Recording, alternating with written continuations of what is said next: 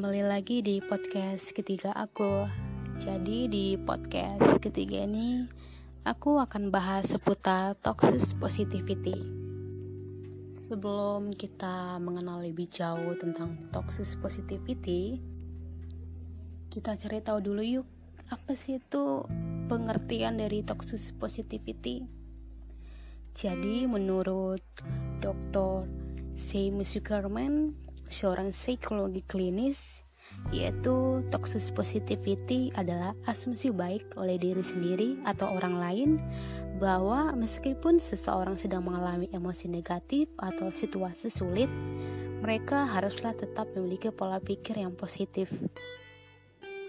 Jadi intinya dalam toxic positivity ini di mana ketika kita lagi dalam keadaan sedih karena kegagalan, ditipu, orang yang kita sayang meninggal, keluarga yang tidak harmonis, kita harus tetap selalu berpikiran positif. Istilahnya orang bilang masih banyak lagi kok hidup yang lebih susah dibanding kamu. Jadi kamu harus sabar ya yang di mana kalimat itu menyatakan kita harus selalu berpikiran positif. Sehingga emosi-emosi negatif yang tadinya dalam diri kita kita kubur dalam-dalam. Padahal hal itu tidaklah baik dalam diri kita. Yang ada hal ini bisa mengganggu kesehatan mental. Pastinya ketika rasa sedih dalam diri kita dikubur dalam-dalam itu sangat berpengaruh terhadap kesehatan mental Ibaratnya seperti ini. Segelas kaca lalu air dituangkan dalam gelas itu. Air itu adalah emosi sedih. Dan lama-kelamaan maka gelas itu akan berisi penuh dengan air. Lalu air itu akan bertumpahan. Begitu juga dengan rasa sedih yang kita pendam-pendam terus. Maka ketika rasa sedih itu sudah terlalu menumpuk, maka kesehatan mental yang menjadi risikonya. Maka akan muncul sedih yang terlalu mendalam dan bahkan bisa berujung depresi. Oleh karena itu, buat kamu yang berada di posisi sedih atau sedang dalam masalah, gak apa-apa kok menangis. Justru akan lebih baik ketika kamu mengeluarkan emosi sedih, marah, Menangis itu sangat kita butuhkan agar kita mengenal diri kita dan jujur terhadap perasaan kita. Dan serta mengenali apa sebenarnya yang terbaik buat diri kita.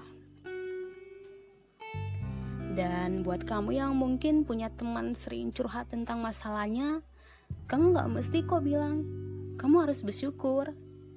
Masih banyak loh hidupnya yang lebih susah dibanding kamu. Sabar ya, jangan menyerah seharusnya kamu ngambil hikmahnya dan lainnya. Yang pastinya kita pernah mengucapkan kalimat itu semuanya. Cukup kamu katakan, kok kamu sedih? Kalau mau cerita, cerita aja, jangan dipendam. Kalau mau nangis, nangis aja, nggak apa-apa kok. Atau cukup kamu hanya mendengarkan ceritanya dia, selalu ada buat dia. Dan yang paling terpenting juga, Semisalnya teman kita punya masalah yang sebelumnya juga kamu pernah mengatasi masalah itu. Terus kamu kasih tahu cara solusinya, tetapi teman kamu tidak bisa juga selesainya. Kamu nggak boleh menganggap dia seolah-olah tidak mengerti cara mengatasi masalahnya. Karena setiap orang itu mentalnya berbeda-beda dan setiap orang mengatasi masalahnya itu dengan caranya sendiri dan aku juga akan memberi tips-tips agar mengurangi toxic positivity dalam diri. Tips yang pertama yaitu menerima emosi sedih, marah, menangis yang kamu rasakan. Tips yang kedua, jangan menghakimi kekurangan diri sendiri.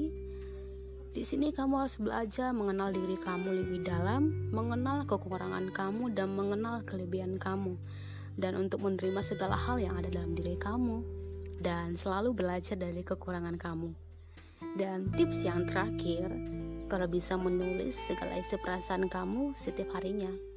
Atau curhat kepada teman yang bisa kamu percayai.